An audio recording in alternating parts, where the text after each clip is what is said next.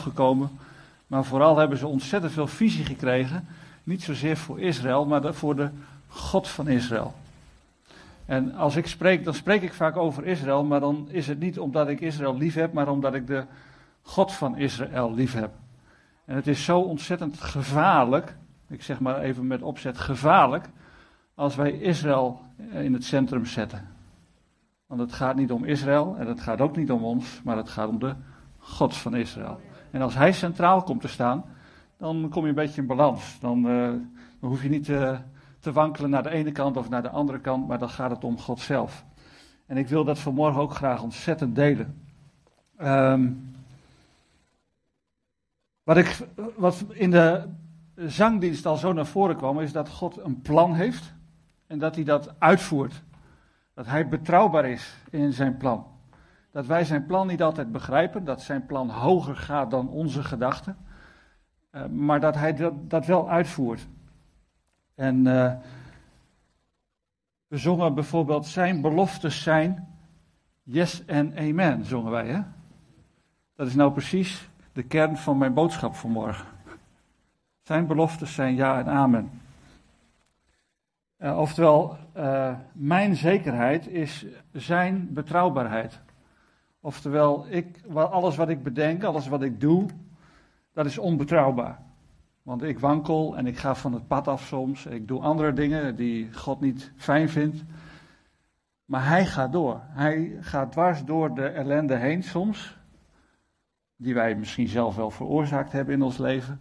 Gaat hij met je door. Trekt hij zijn vaste spoor. En dat, uh, dat doet hij ook en dat is een prachtig voorbeeld voor ons vandaar mijn preek vanmorgen.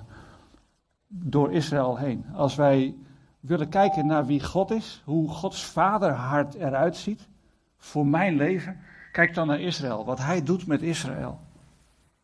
Als je de geschiedenis leert zien van hoe God aan de gang is met Israël door hele diepe dalen en soms hele hoge toppen, dan merk je dat God een vaste koers vaart ondanks ons falen en, enzovoort.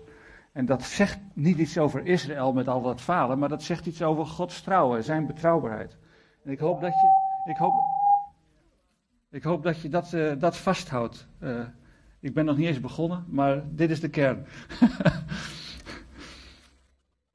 ik wil graag uh, met jullie naar de profeet Hosea.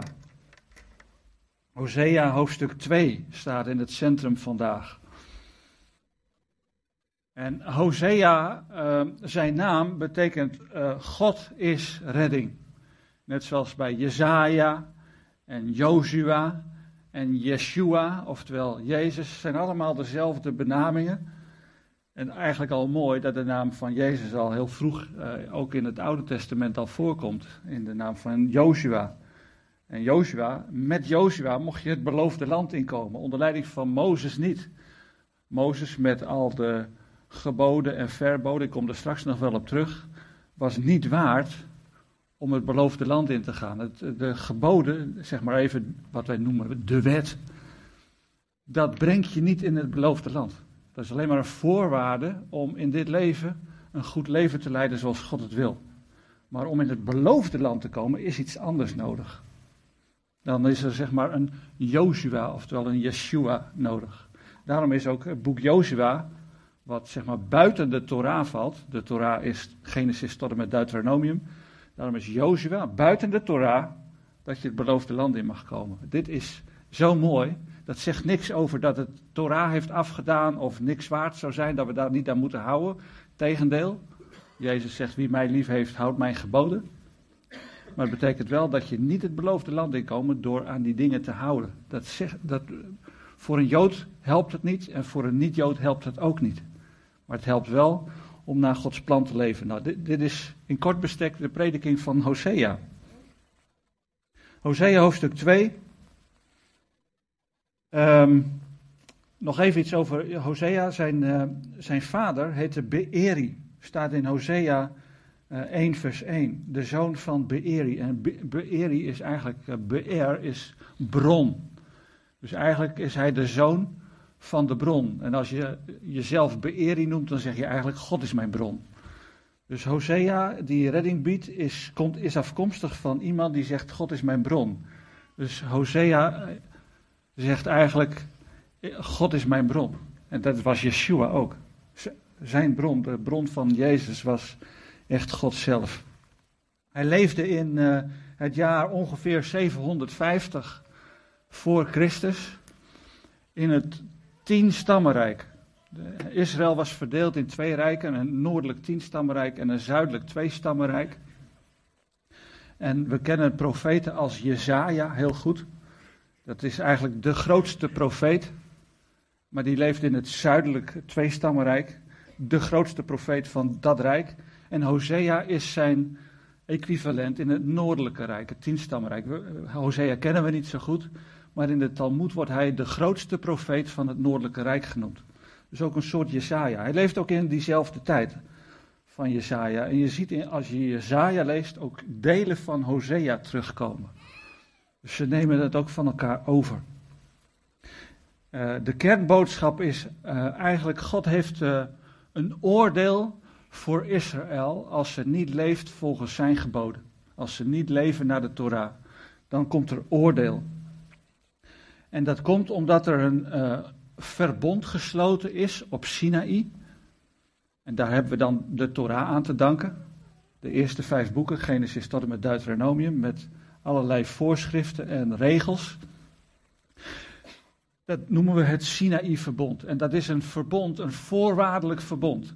Als je Deuteronomium, het slot van Deuteronomium leest, dan zie je ook dat het volk de keuze krijgt om uh, te leven naar dat verbond. En als ze daar naar leven, dan gaat het hun goed. Maar als ze er niet naar leven, nou, dan zal hun uh, rampspoed overkomen. Dat is zeg maar voorwaardelijk. Als je luistert ernaar, dan krijg je zegen en overvloed. Als je er niet naar luistert, nou, dan heb je de, de sores, zeg maar, uh, de rottigheid aan jezelf te danken. Een ander thema van Hosea is eigenlijk het huwelijksverbond. Dat God een huwelijk aangaat met Israël. En dat hij zegt van, ik, je, je bent voor altijd mijn vrouw. Wat er, wat er ook gebeurt, door de diepe dalen of de hoge toppen heen, je blijft mijn vrouw. En dat gaat eigenlijk om het verbond, want een huwelijk is ook een verbond, een verbond dat God met Abraham sloot. En dat is een onvoorwaardelijk verbond. En als je vanmorgen dat onthoudt, dat God een voorwaardelijk verbond heeft waar je over kunt struikelen, waarin je kunt falen, blijft er altijd nog overeind het onvoorwaardelijke verbond dat God heeft gesloten met Israël. Dus hoe Israël ook handelt, het zal hoogtepunten kennen, het zal dieptepunten kennen, net zoals in ons leven, gaat God dwars doorheen, door die diepe dalen met je mee, omdat hij een onvoorwaardelijke liefde voor je kent. Uh, voor Israël dan, maar we mogen dat ook op onszelf uh, uh, trekken. Dankjewel. Hosea 2, eindelijk. Vers 7, daar begin ik. Zij erkent echter niet dat ik het ben die haar het koren, de nieuwe wijn en de olie gegeven heb. Dat ik het zilver en het goud voor haar vermeerderd heb. Dat zij voor de Baal gebruikt hebben. Daarom keer ik terug en neem ik mijn koren weg op zijn tijd en mijn nieuwe wijn op de daarvoor vastgestelde tijd. Ik ruk mijn wol en mijn vlas weg waarmee, ik haar naakt, waarmee zij haar naaktheid moet bedekken. Nu dan, ik zal haar schaamte ontbloten voor de ogen van haar minnaars, en niemand zal haar uit mijn hand redden.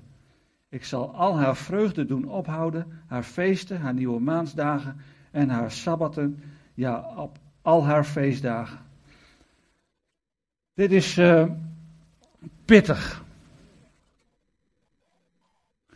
Je moet weten, we hebben net van Joas gehoord dat hij uh, die tempeldienst in Jeruzalem herstelt. Dus in het zuidelijke rijk begint het goed te gaan. Er zijn allerlei hervormingen doorgevoerd. Maar in het noordelijke rijk handelen ze heel anders. Daar heb je eigenlijk dat uh, uh, Agap regeert. Agap kennen wij van Elia, met, op de berg de Karmel, met al die Baalpriesters. Dus eigenlijk is het zo gegaan dat toen het noordelijke en het zuidelijke rijk van elkaar afgesneden werden, dat het noordelijke rijk geen toegang had tot de tempel in Jeruzalem. En dan moest je wat anders, dan zoek je iets anders om, om God te dienen. Maar dat doen ze dan niet de God van Israël, maar dan kiezen ze hun eigen God, oftewel Baal. Dat betekent eigenlijk dat, ze, dat je een eigen gecreëerde God gaat dienen. En dat doen ze dan door middel van kalverdienst in Bethel en Dan. Dat is, Bethel ligt vlak boven Jeruzalem en Dan ligt helemaal in het noorden. En dan hebben ze kalverdienst. En dat doet ons denken aan de, het gouden kalf dat Israël in, het, uh, in de woestijn al diende. Er was ook een eigen gemaakte godheid naast God. En alsof je God dient, maar eigenlijk ook net niet. Ik doe het op mijn eigen manier. En zo zitten wij zelf soms ook in ons leven. Wij dienen God wel, maar het moet op mijn manier. We verzinnen zelf dingen. We gaan eigen tradities creëren. En ik ga vandaag even tegen een paar paaltjes aanschoppen. Want hier wordt al genoemd het, uh, het uh, doen stoppen van de nieuwe maansdagen, de feesten en de sabbatten. Uh, in het noordelijke tienstammenrijk was het zo dat zij dus niet de God van Israël dienden, maar hun eigen God. En daarvoor ook de tijden gingen verschuiven. Als God zegt, je moet het Loofhuttenfeest gaan vieren, het belangrijkste feest van het jaar, op de vijftiende van de zevende maand, zegt het Noordelijke Rijk, nou dan verschuiven wij dat naar de vijftiende van de achtste maand. En zo ging dat overal. En er ontstond een kalverdienst met uh, allerlei prostitutie, want Baal is eigenlijk de god van de vruchtbaarheid. God is de gever van het leven. En hier zegt hij dan ook, jullie erkennen niet dat ik de god van het leven ben. Elke maaltijd begint een, een, ook een Messiaanse Jood met het eren van God voor het eten. We vragen niet een zegen over het eten, maar we eren de gever van het eten. En dat is eigenlijk wat Hosea hier zegt. Als je God niet eert voor het eten dat je dagelijks krijgt, en dat geldt ook voor ons. Als je God niet eert voor het eten dat je dagelijks krijgt, dan staat, zegt Hosea, dan erken je niet dat ik de gever ben. En wat ga ik dan doen? Dan trek ik mijn koren, mijn nieuwe wijn en mijn olie weg. Oftewel, koren staat gewoon voor dagelijks levensonderhoud. Nieuwe wijn staat voor vreugde en olie staat voor, nou ja, overvloed, voor heerlijk leven, voor gezondheid enzovoorts. Dus als je God niet de eer geeft die hem toekomt, dan, dan neemt hij die dingen van je weg. En dat komt niet omdat God je wil straffen, maar omdat je God niet eert. Dus je moet de oorzaak dan bij jezelf gaan zoeken. En dan zegt God hier in Hosea, uh, jullie zijn je eigen weg gegaan. Je hebt notabene mijn feesten die ik heb geboden aan jullie als volk, heb je verzet. Doen wij, hebben wij zelf in de kerkgeschiedenis ook gedaan. We hebben gezegd van die Shabbat, nou, aan de kant ermee, we doen het op onze eigen manier. En ook de Pasen en zo uh, zijn we gaan vieren. We doen het op onze eigen manier. De kern is eigenlijk niet dat we op al die dagen, niet op zondag bijvoorbeeld bij elkaar mogen komen, maar we eren God niet als de gever van ons eten. We eren God niet als degene die bepaalt wat wij moeten doen. We creëren onze eigen dingen. En ik geloof dat het heel erg tijd is dat we afstand nemen van onze eigen tradities en zeggen we, we gaan God weer in het centrum plaatsen. En we gaan Hem dienen. En wat is de kern van de Shabbat? Dat is tot rust komen in Hem. En dat doen we niet. Nee, we gaan onze eigen gang. Uh, we, gaan, uh, we gaan onze eigen dingen doen op de dag die God heeft gezegd van die moet je apart zetten voor mij. En ik geloof dat het tijd wordt dat we gaan beseffen dat, dat God weer de kern van ons leven moet worden en niet wat ik wil. En dat op alle dagen van de week. Dat is, dat is de kern van de boodschap. En dat gebeurt ook hier. Dus God neemt dingen van hun weg en dat, uh, dat doet hij door hen in ballingschap te voeren. Het land brengt niks meer op, er is geen koren meer en het uh, verschroeit allemaal. Verschroeide aarde zou je zeggen. En dan sla ik een stukje over en dan ga ik naar vers 13. Daar staat, daarom zie, ik zelf ga haar lokken, haar de woestijn inleiden en naar haar hart spreken. Ik zal haar daar vandaan haar wijngaarden geven en het dal van Agor tot een deur van hoop. En daar zal zij zingen als in de dagen van haar jeugd, als op de dag dat zij wegtrok uit het land Egypte. Je, je ziet hier eigenlijk dat, dat God zegt, Omdat jullie niet naar mij luisteren, omdat jullie niet mij eren voor alles wat ik jullie heb gegeven, gaat zelfs over goud en zilver. Dus alles wat je bezit, dat heb je aan mij te danken. En omdat je mij daar niet voor eert, ga ik je de woestijn inleiden. En dat is eigenlijk voor Israël, het noordelijke tienstammenrijk, tot op de dag van vandaag nog zo. Dat ze in ballingschap zijn gevoerd over de hele wereld. Dus je zou eigenlijk mogen zeggen, het is al 2700 jaar dat uh, God nog niet is teruggekomen op zijn woord. Dat hij nog steeds Israël, het tienstammenrijk, in de verstrooiing laat zijn. En die, ze wonen hier waarschijnlijk ook in Nederland en all over the world. Degenen die zijn teruggekeerd, zijn Joden. Dat zijn van de stam Juda. Dat zijn het twee, twee stammenrijk. Die zijn al massaal teruggekeerd en die hebben ook de staat Israël uitgeroepen in 1948. Maar het tienstammenrijk, dat is wat lastiger. Want in de Bijbel staat ook, ze zullen zich zo vermengen dat ze eigenlijk niet meer weten of ze er vanaf stammen. Tegenwoordig noemen ze dat dan de verloren stammen. En Peter Steffens zegt dan heel mooi, God is niks kwijt. God weet heel goed wie je bent. God kent je naam, hij kent je hart, dus hij kent ook je afkomst. En God is niks kwijt. Dus ik geloof niet in een verloren stammentheorie, maar God volvoert wel zijn plan. En ik geloof dat hij in onze dagen, let wel, in onze dagen bezig is dat tot, tot uitvoer te brengen. Want zijn, de stam bijvoorbeeld, dus eigenlijk uh, naast Ephraim, een van de belangrijkste stammen, is al teruggekeerd. Dus ik geloof dat wij leven in een hele bijzondere profetische tijd. Dat God zegt, ik ga mijn plan, mijn eeuwige raadsplan ga ik volvoeren op dit moment. Daar zijn wij getuigen van.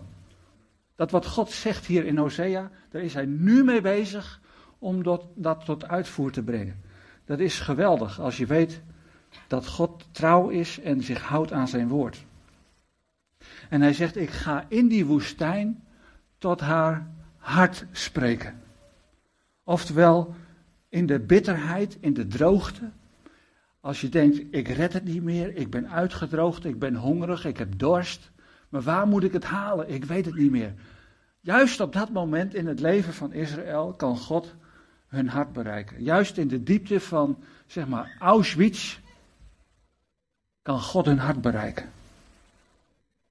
En dat is moeilijk, want de meeste Joden zegt, ik ben God kwijtgeraakt in Auschwitz.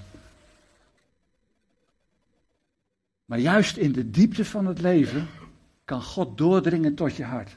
Als het je goed gaat, kijk maar naar je eigen leven, dan heb je God niet nodig. Ik had God niet nodig op de momenten dat ik dacht, nou ik heb een goed salaris, ik, heb, uh, ik verdien hartstikke goed, iets van 10.000 euro per maand. Uh, ontbrak mij er niks. Later dacht ik, was dat niet het dieptepunt in mijn leven? En wat was het hoogtepunt in mijn leven? Toen ik opeens van een uitkering moest rondkomen van nog geen duizend euro. Als ik terugkijk, denk ik, dat was eigenlijk de mooiste periode, want dat was een geestelijk hoogtepunt.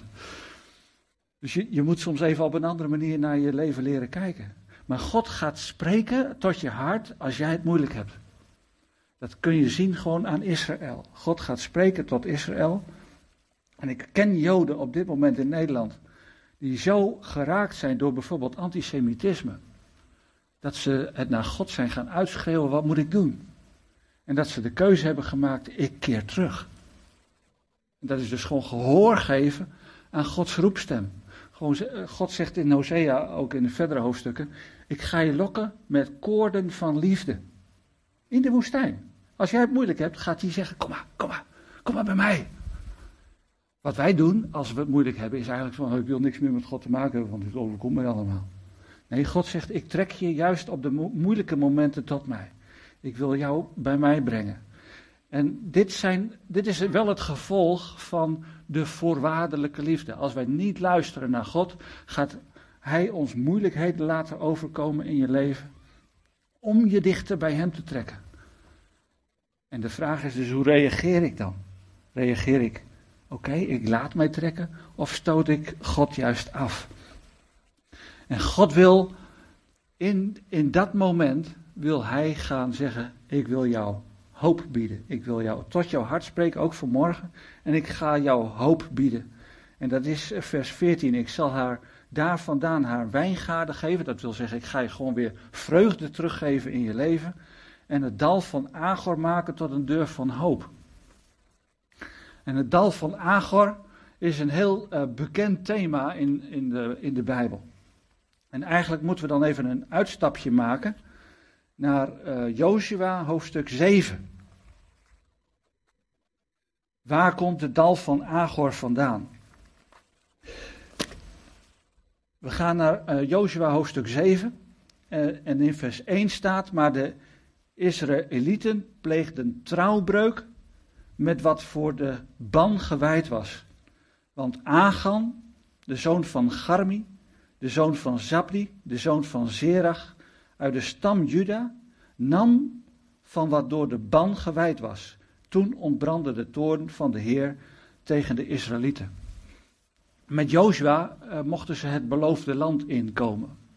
En God had gezegd: alles wat je verovert, is voor mij.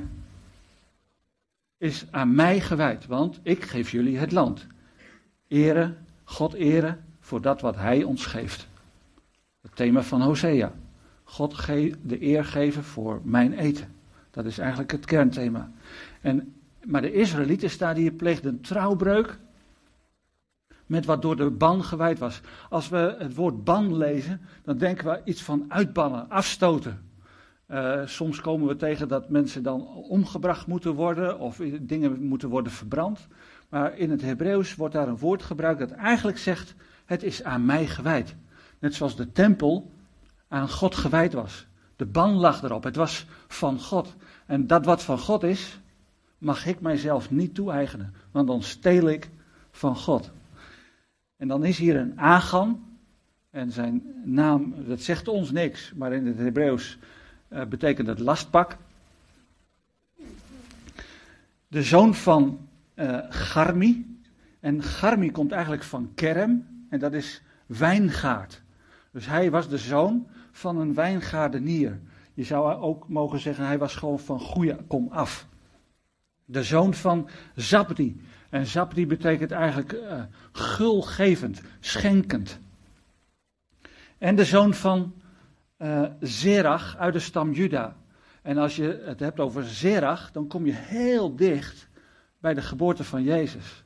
Want de broer van Zerach was Peretz. En als je het rijtje van Matthäus 1 kent, van de geslachtslijn van Jezus, dan zie je daar Peretz in verschijnen. Dus het is zeg maar van koninklijke bloeden, zijn, uh, zijn geslacht. En wat doet die man, uh, die, uh, die, die lastpak, die Agan, die zo van goede kom af was en wiens familie bekend stond als gulgevend, die neemt wat. Dus hij eert God niet voor alles wat hij kreeg, maar hij zegt: Ik neem zelf wel wat. Ik bepaal zelf wel wat ik doe. En dan, dan ontbrandt de toorn van God. Nou, dan zie je dat ze uh, na Jericho Ai niet kunnen innemen en dat ze grote nederlaag leiden. En dan vraagt Jozua: Heer, wat is er aan de hand? En dan zegt God in vers 11: Israël heeft gezondigd. Dat is weer dat voorwaardelijke verbond.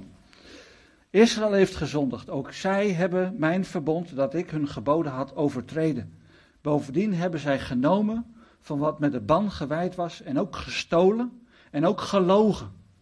En ze hebben ook het bij hun huisraad gelegd. Daarom kunnen de Israëlieten niet stand houden tegenover hun vijanden. En zullen zij voor hun vijanden vluchten, want ze liggen onder de ban. Ik zal voortaan niet meer met u zijn als u de ban niet uit uw midden wegvaagt. Nou, in het Hebreeuws is hier constant in deze versen een woordspelletje aan de gang. En als je, dat moet je eigenlijk in het Hebreeuws lezen en dan hoor je aldo, gerem, kerem, keref, zo dat soort termen komen steeds weer terug. Maar de kern is eigenlijk, wat leeft er in mijn binnenste?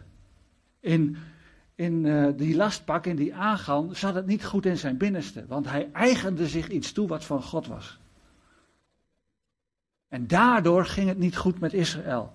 En uh, daardoor steelden ze van God, maar er staat ook, we hebben ook gelogen. Dus we, we stelen van God en maken het goed met een praatje, of we bedekken het met de mantel van de liefde en dan gaat het niet goed. En uiteindelijk zegt, zegt God dan, als jullie je hart niet verandert, als je dat wat in jouw binnenste leeft niet wegdoet, dan kan ik ook niet met je zijn. En dat is precies de kern van de boodschap van Hosea. Dat we God weer op de eerste plek zetten. Dat we in onze gemeente zeggen: God, Jezus, u bent het hoofd van onze gemeente. Alles wat wij bedenken, u bent daar het hoofd van. Wij eigenen ons niks toe. Het is allemaal van u en wij willen u daarin gehoorzaam zijn. En als u zegt ga linksom, dan gaan wij ook linksom. Als u zegt rechtsaf, dan gaan wij ook rechtsaf. We gaan niet onze eigen gang. We nemen afscheid van eigen tradities en zetten u weer in het centrum, in het midden van ons leven. En dan zie je dat God zegt van, uh, ik, ik ga jullie helpen. En dan zie je dat ze ai weer kunnen innemen. Ik geloof dat wij voor onszelf ook moeten nadenken. Hoe, hoe is mijn binnenste? Ben ik God toegewijd of ben ik mezelf toegewijd? Doe ik het op mijn eigen manier of ben ik bereid om te zeggen: Ik luister naar u, Heer? Dat wat u tot mij zegt door uw geest, dat ga ik doen. En dat is soms heel lastig. Want je kunt, uh, je kunt voor keuzes komen te staan die niet populair zijn. En ik mag soms een boodschap brengen die niet altijd populair is. Maar ik geloof dat we gewoon het woord moeten spreken. En dat God door zijn geest duidelijk maakt wat we moeten doen. Nou, dan zie je dat, ze, dat Agan zich bekeert in de rest van dat hoofdstuk. En in vers 24 staat: Toen nam Joshua en heel Israël met hem Agan, de zoon van Zerach, en het zilver, de kostbare mantel en de gouden staaf, zijn zonen, zijn dochters, zijn runderen, zijn ezels, zijn kleinvee, zijn tent en alles wat hij had. En zij voerden hen naar het dal van Agor. Oké, dat dal van Agor is dus eigenlijk daar waar de lastpak werd begraven, waar Israël tot bekering kwam en zei: Wij willen hier afstand van nemen en wij willen God weer de eer geven. En dat doen ze dan in het dal van Agor. Het dal van Agor is het noordelijkste deel van de Dode Zee, in de buurt van Jericho. Ik weet niet wie daar wel eens is geweest. Als je de route rijdt uh, vanaf uh, Tiberias langs de Jordaan naar beneden, dan eindig je op een kruispunt. Dan kun je rechtsaf richting Jeruzalem. Nou, dat is het dal van Agor. Een dode streek, ook op dit moment. Gewoon echt een, een dal waar niks kan groeien. Uh, er is ook de Dode Zee, die zo zout is dat er geen leven is. Dus het is een omgeving waar het doods is. Het diepste punt van de aarde. Daar is het dal van Agor. En ik geloof dat wij in ons leven ook een dal van Agor kunnen kennen. Dat je zegt, nou zit ik zo in een diep dal. Ik voel niet dat God er is. Ik voel Gods aanwezigheid niet. Hij heeft wel allemaal beloften gegeven, maar geldt het wel voor mij? En dan klinkt een hele mooie boodschap in vers, ik keer terug naar Hosea 2, vers 14. In het dal van Agor zal ik een deur maken van hoop. Het Hatikva, dat is uh, de hoop, het volkslied van Israël. Ik vind het heel mooi dat zij zo'n volkslied hebben. Maar eigenlijk zegt God, ik ga in, die, die, in dat diepe dal ga ik een poort maken waardoor je naar binnen mag gaan, waar, waar je in de hoop terechtkomt. In de diepste ellende is zelfs nog hoop. Wij hoeven nooit zo diep te zakken in ons leven dat er geen hoop meer is. Elke Jood weet wat Auschwitz in zijn familie heeft teweeggebracht. Het diepste punt van een familiegeschiedenis. Zes miljoen Joden omgebracht. Ga naar Yad Vashem, ga naar Westerbork en je ziet het voor je ogen. En zelfs dan zegt God, in dat diepe dal ga ik een deur maken voor je van hoop. Als jij op dit moment in je leven zo er doorheen zit, dan zegt God, ik, dan is nu het moment om jou de deur van hoop te laten zien. En als je het Hebreeuws een beetje kent, ik ga daar iets van uitleggen, maar dit vind ik zo stunning, zo mindblowing. Uh, wat, hoe moet je dat in het Nederlands zeggen? Uh, super gaaf, het is hartstikke mooi. Even opletten. In het Hebreeuws, de naam van God is JHWH. Dat is de naam van God in het Hebreeuws. Ik had eigenlijk een PowerPoint moeten meenemen, maar het Hebreeuws is zo lastig. Met de vertaling naar computer en zo, dan krijg je allerlei rare tekens. Maar ik leg het gewoon uit. JHWH. Dat is in de hele Bijbel de naam van God, de onuitsprekelijke naam. En de, de delet, de letter D, is ook uh, de benaming voor deur. En Jezus zegt, ik ben de deur. Hè? De, zegt hij, uh, ik ben de weg, de waarheid en het leven, maar ik ben ook de deur. Ik ben uh, de deur om de schaapskooi binnen te komen. En als je nou tussen de laatste W en de H die D plaatst, dan krijg je de naam Jehuda, oftewel Jood. En Jezus zegt, ik ben die deur. Hij is als Jood geboren onder de Joden, maar hij is ook God. Dus in de naam van God en in de naam Jehuda, in de naam van Juda, zit eigenlijk al de sleutel verborgen. Dit is de deur van de hoop. Ik vind dat zo gaaf. Dat, gewoon dat je in, vanuit Gods gedachten leert. Ja, maar ik creëer een volk. En ik beloof aan de stam Juda, uiteindelijk aan de geslachtlijn van David, dat uit hen de Messias zou voortkomen, die de redder zou zijn van zijn volk, die de deur van hoop zou zijn voor zijn volk. Hosea voorzegt dit al 750 jaar voordat Jezus geboren wordt. God heeft een plan, een onvoorwaardelijke liefde, en daar gaat hij gewoon in door. Of Israël nou gehoorzaam is of ongehoorzaam, of ik nou gehoorzaam ben of ongehoorzaam, God heeft een plan en die gaat dat plan gewoon uitvoeren. Ik vind dat echt geweldig. En zo mogen we ook zien dat het Joodse volk, of eigenlijk moet ik zeggen Israël, want dat is het hele twaalfstammenrijk, dat God in deze wereld een plan heeft met zijn volk en dat gewoon uitvoert. En dat je ook ziet dat het gebeurt. Israël is het enige volk dat nog leeft uit de oudheid. Het enige volk. En dat komt omdat God een onvoorwaardelijk plan heeft met zijn volk. En wat gaat hij dan doen? Wat gaat deze deur dan doen? Die uh, Petach Tikva heet het dan. De deur van hoop. Dat is vanaf vers 17 tot en met vers 22.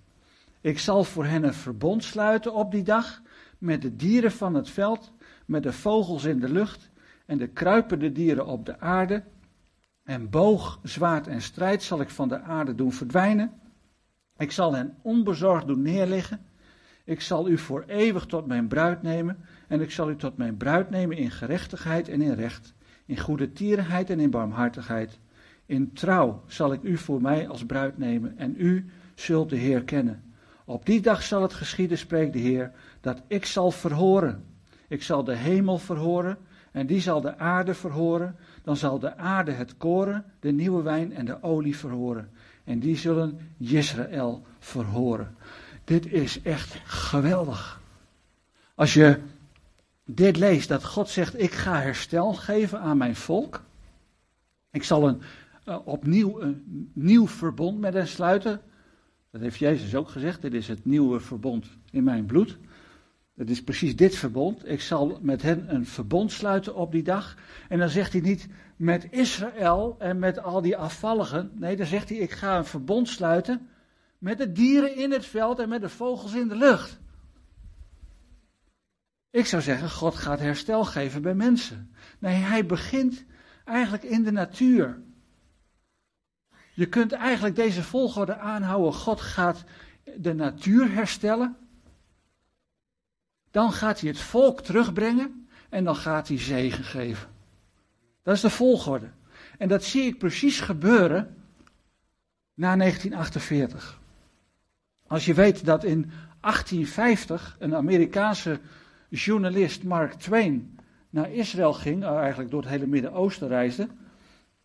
Hij heeft een heel mooi boekje over geschreven, boekje, dikke pil. Maar daar beschrijft hij in 1850, dus 100 jaar voordat Israël weer staat wordt. Israël is een desolaat land. Er groeit niks en er zijn geen bomen. Want de Turken hadden gezegd van wij gaan belasting heffen op elke, elke boom. Dus wat doe je dan? Ik wil geen belasting betalen, dus ik kap alle bomen. Dus er groeide helemaal niets. Een dal van Agor. Het was gewoon één woestenij. En wat gaat God dan doen? Ik ga herstel geven. En ga nu naar Israël. Hoe prachtig het overal groeit en bloeit. We waren vorig jaar met een gids in Israël op pad. En die zei: Ik stop even de bus. Ik wil even uitstappen. Want hier groeit in de berm een bloemetje. Nou, die heb ik al 40 jaar niet gezien. Voor één bloemetje. Stap je de bus uit. Nou ja, ik heb dat er ook voor over. Sorry. Maak je mooie foto's van. Ik heb er geloof ik eh, honderd van één bloemetje gemaakt. Omdat hij zo speciaal zou zijn. Maar dit is God, God is bezig de natuur in Israël te herstellen. Hij is bezig om de natuur voor te bereiden dat Israël weer terug kan komen. En uh, iemand zei vorige week nog, uh, ik meen op Facebook, uh, als je in het vliegtuig stapt en je vliegt boven Israël, kun je precies zien welk gebied onder Israël valt en welk wat Palestijns gebied is. Daar waar Palestijnen wonen groeit niks, is alles kaal en door. Maar daar waar Israël woont, daar groeit en bloeit het, daar is het groen. Opmerkelijk. Een rabbijn zei daarover, en dat, dat beantwoordt helemaal aan de Torah. Het land geeft respons op het volk Israël. Het land is bedoeld voor Israël. En als daar Arabieren komen om te, om te leven, dan uh, geeft de aarde geen vrucht. Maar als Israël daar komt, dan komt het tot bloei. Dat is precies de profetie van Hosea. Dat ik zal een verbond sluiten met de dieren van het veld en met de vogels in de lucht en de kruipende dieren op de aarde. En nou, ik, ik weet niet of je wel eens bij het meer van Galilea bent geweest. Nou, wij stonden daar een keer op een balkonnetje. Ik, volgens mij heb ik dit hier al een keer gezegd. Er komt er zo'n heerlijk briesje vanuit het uh, meer van Galilea naar je toe. Lekkere warme lucht. Een beetje, uh, hoe zeg ik dat? Nou, het is gewoon lekker, lekkere lucht. Heel erg aangenaam.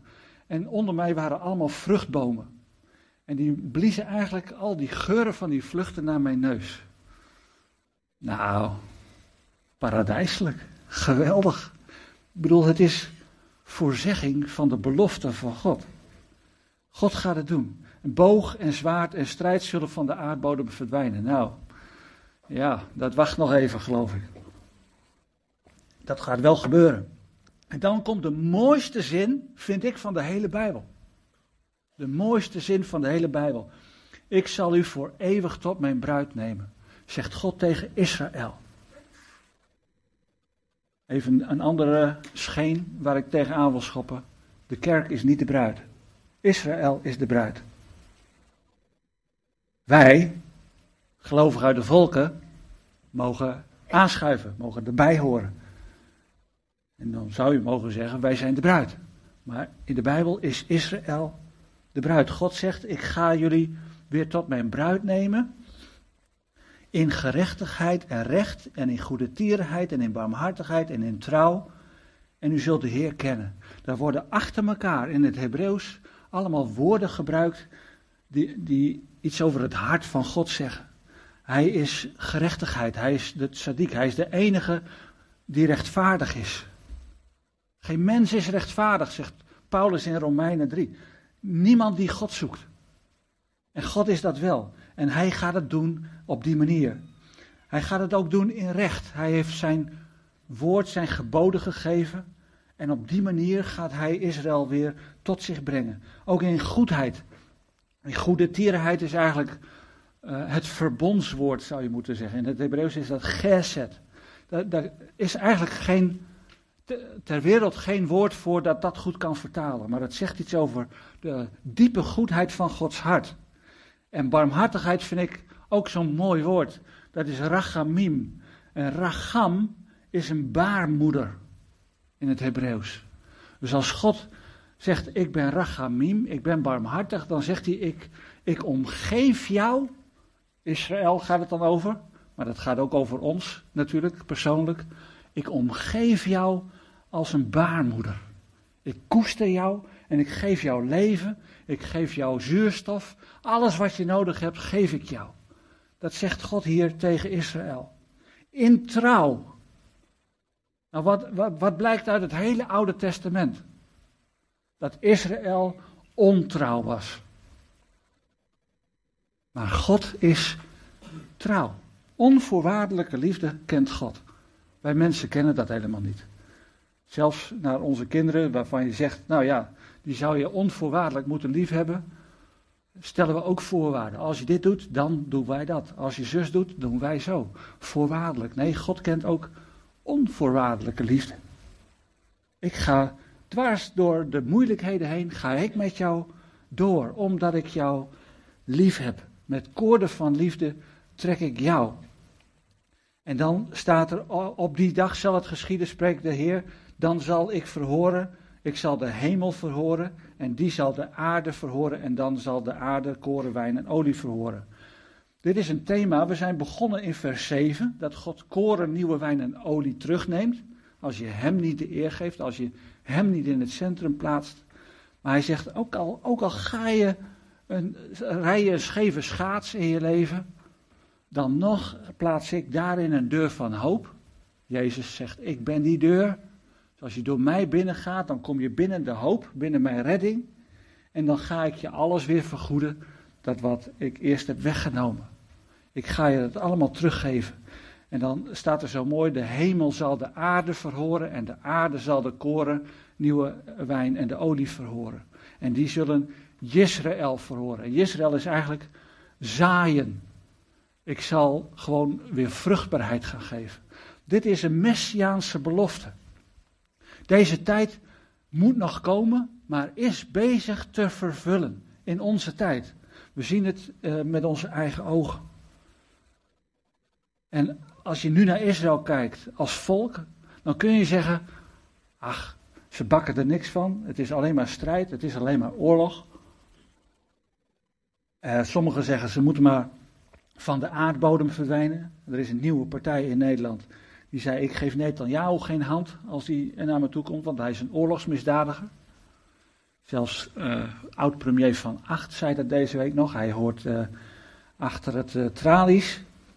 Ik denk, ja, ze maken niet altijd de juiste keuzes. Maar er gaat een tijd komen. Dus niet denken dat dat ooit zal gaan gebeuren. Nee, het zal gebeuren dat Israël als geheel tot bekering komt. Dat staat in Hosea 3, daar sluit ik dan mee af. Vers 4 en 5.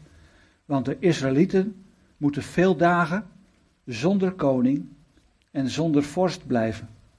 Zonder offer en zonder gewijde steen. Zonder efot en afgodsbeelden. Daarna zullen de Israëlieten zich bekeren en de Heer hun God zoeken en David hun koning. Ze zullen zich in diep ontzag tot de Heer en zijn goedheid wenden in later tijd. En in later tijd, dat is in het Hebreeuws een term die duidt op de laatste dagen, op wat wij noemen de eindtijd. En je ziet dat er nu al, dat ze zich aan het bekeren zijn. En de Messiaanse beweging is, uh, is nog maar klein, maar het is wel booming. Het groeit zo, zo hard. Dagelijks komen er zoveel mensen tot bekering. Ik zie dat de boodschap van Hosea in onze tijd in vervulling gaat. Maar er ging iets aan vooraf. Dat is vers, vers 4. Er gaat iets aan vooraf. Ze moeten zonder koning blijven. Dat is tot op de dag van vandaag zo. Ze hebben geen koning. Zonder vorst. Zonder offer. De tempel is er niet. Al die dingen die in de Torah voorgeschreven staan. Om te doen, te offeren. Is niet mogelijk. Voor elke Jood is dat niet mogelijk. Er, er is geen vergeving. Er is geen vergeving mogelijk zonder offer. Gelukkig kennen wij die deur van hoop die het offer bracht. Maar als die tijd voorbij zal zijn, daarna zal het gebeuren dat ze zich zullen bekeren tot de Heer God. Ik vind dit zo'n prachtige belofte. En ik geloof ook dat wij zelf ook naar ons leven mogen kijken en zeggen van, uh, Heer, bent u wel het centrum van mijn leven? Geef ik u wel de eer die u toekomt? Of ben ik bezig op mijn eigen manier u te dienen? Ben ik in eigen tradities gegaan? Heb ik eigen dingen bedacht? Heer, ik wil mij opnieuw toewijden. Ik wil mij beschikbaar stellen om te doen wat u van mij vraagt. Ik ben ontrouw geweest in mijn leven, maar u bent trouw. U hebt een, een eeuwig, eeuwige liefde voor ons. En dat, dan, dat kan ik zien omdat u een eeuwige liefde hebt voor Israël. Misschien wilt u gaan staan. Gaan we samen bidden.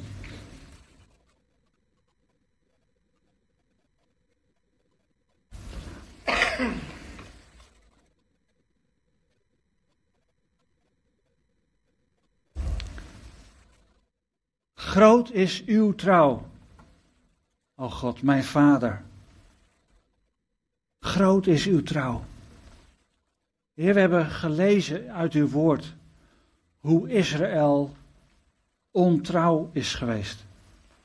Dat ze hebben gestolen van wat van u was, zich toegeëigend wat u toebehoort, een eigenmachtige godsdienst zijn gaan voeren, notabene met prostitutie. Vader, en ook wij als kerken zijn u ontrouw geweest. We hebben ook onze rug toegekeerd gehad naar uw volk. We hebben uw volk zelfs omgebracht, zes miljoen Joden, naar de gaskamers gebracht. Paulus zei, niemand is er die goed doet, zelfs niet één. Heer, wij moeten voor u op de knieën. Wij moeten beleiden dat ook wij ontrouw zijn geweest. En wij verdienen niets anders dan een dal van Agor, een, een diepe woestijn. Maar Heer, wat is het prachtig om ook uw boodschap van hoop en redding te horen. Dat u dwars door de ellende heen, dwars door de dood heen zelfs, een deur van hoop hebt geplaatst. Waarvan u, Jezus, zei: Ik ben de deur. Ik ben de weg naar de Vader. Kom bij mij, ik ga je rust geven, ik zal je tot rust brengen. Ik zal je in de rust brengen, in de Shabbat brengen. Dat is de werkelijke betekenis van uw rust. Vader, dat we aan uw vaderhart ons mogen koesteren, dat we weer bij u mogen komen. Heer, dat u, u ons de overvloed gaat geven. Wij verdienen dat zelf niet. Wij denken dat wel, Heer, dat wij onze eigen overvloed hebben verdiend. Met ons salaris en al de dingen die we doen. Maar Heer, u bent de gever van al het goede. En we willen u vanmorgen de eer geven die u toekomt. U bent de schepper van de hemelen en van de aarde. U bent de koning van het heelal. En u bent ook heer van de gemeente. Wij horen bij u, wij zijn van u. We zijn niet van onszelf, we zijn niet ons eigendom, maar wij zijn van u, Heer. En ik bid dat u door de, de rijen gaat met uw Heilige Geest en ons aanraakt in dit punt, Heer, dat we ons opnieuw aan u toewijden. En u mag het in uw eigen hart zeggen, dat u zichzelf weer wilt toewijden, dat u God de eer geeft die hem toekomt.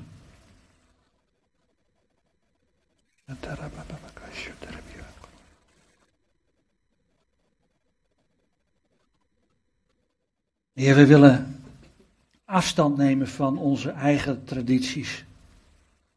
We willen terugkeren tot U als de schepper van hemelen en van aarde.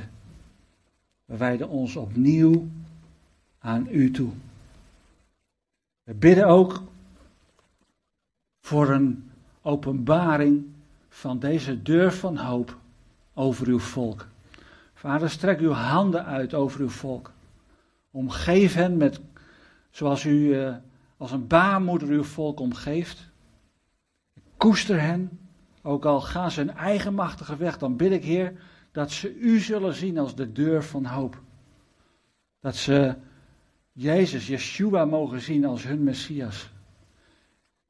Heer, we staan zo te popelen en te wachten tot u zal terugkomen. En u gaat terugkomen. Maar dan moet uw volk wel tot bekering komen. En ik bid zo dat wij als gelovigen uit de volken, de gemeente, voor uw volk op de bres mogen staan. Dat we mogen bidden, ook voor morgen, voor de vrede van Jeruzalem. Heer, dat uw vrede deze aarde zal gaan beheersen. In alle harten van alle mensen. En ook in mijn eigen hart. Heer, geef voorspoed. Heer, geef vrede. Amen. Gaat u zitten.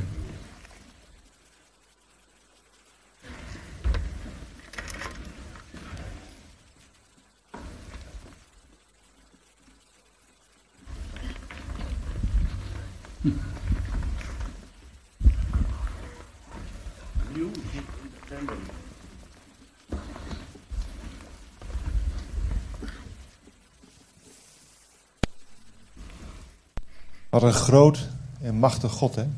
Amen. Amen.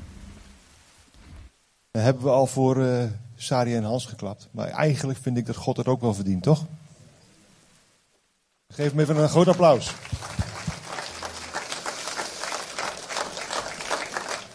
Dat hij naar ons omziet. Moet ik Peter even naar voren vragen nog?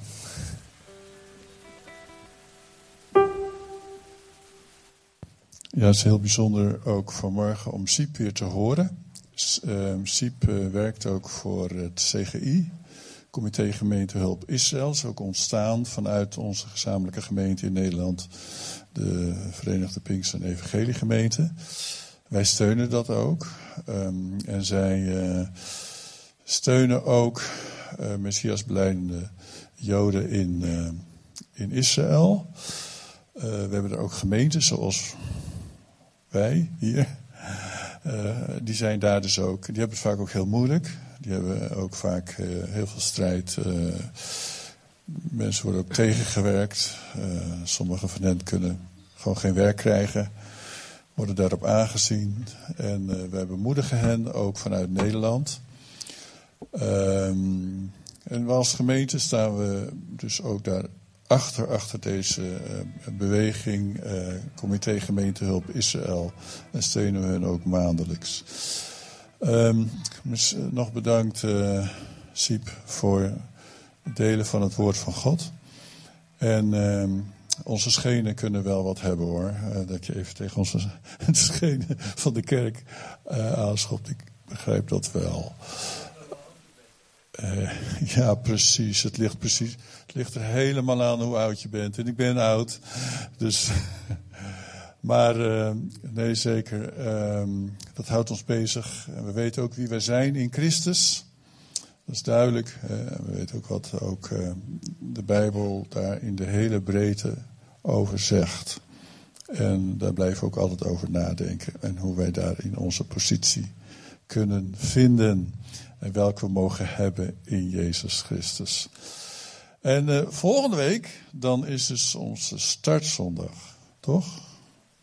De 18e. Nog een week later? Nee, dat is volgende week. Dan is het een hele bijzondere zondag. Ik zou zeggen, kom massaal. Gaan we ook bidden voor werkers in de gemeente. Ga ik ook iets delen van een klein stukje van de visie voor de komende tijd. We, we zegenen de tweede jaken in. Nou, het wordt dus een groot feest. Ik zou zeggen, kom allemaal. Volgende week. Uh, en dan wil ik het ook hebben dat wij inderdaad ook behoren bij die bruid van God. Uh, als gemeente behoren wij ook tot die bruid van Christus. En daar ga ik iets over uitleggen verder. God houdt van zijn bruid. En daar mogen wij dus ook toe behoren. Jezus houdt van zijn bruid. En omdat Jezus van zijn bruid houdt, en dat is ook de gemeente die daarin mag aanschuiven, hou ik van de gemeente. Houdt u ook van de gemeente? Als Jezus ervan houdt, hou ik er ook van. Als God er zoveel van houdt, hou ik er ook van. En dan gaan we ook volgende week met elkaar vieren. Oké? Nou, er zijn mensen hier vanmorgen die um, ja, in een dal zitten. En die een deur van hoop eigenlijk nodig hebben. We bidden daarvoor. We bidden met mensen. Als het hoop is die je nodig hebt voor Misschien herstel in je leven. Herstel van relatie. Misschien iets in je leven wat kapot is gegaan. Wat herstel nodig heeft. Maar misschien is het ook ziekte. Wat financieel, precies, wat herstel nodig heeft. En als God daarbij kan en bij mag in jouw leven, om daar herstel in te geven. Ik zou zeggen, ren naar God toe, ren naar voren toe. Wij gaan met jou naar de Heer toe, om daarin ook dat herstel te vinden en die hoop te vinden. We gaan door de deur van hoop. En naar de deur van hoop, en dat is de Heer Jezus zelf, die zegt, ik ben die deur. En bij de Heer Jezus gaan we die, dat herstel ook ontvangen. Amen. Terwijl we zo meteen afsluiten met een laatste lied. Ik ga zo'n zegen ook meegeven. Kom dan ook naar voren. Laat dit, deze zondag niet zomaar voorbij gaan. Maar ga aan de slag. Ga aan de slag in je leven. God helpt ons door de Heilige Geest om te groeien in de dingen van Hem. Is dat niet geweldig? En dat is niet van, oh, je moet groeien, weet je wel. Als je een plantje wil zien groeien, dan, is het niet, groeit het niet doordat je dat plantje alleen maar zegt van, je moet groeien, je moet groeien, je moet groeien. Daar groeit een plantje helemaal niet van. Ja, misschien wel een klein beetje van, uh, wat is het? Ja, van, maar eh, het heeft voeding nodig. Het heeft aandacht nodig.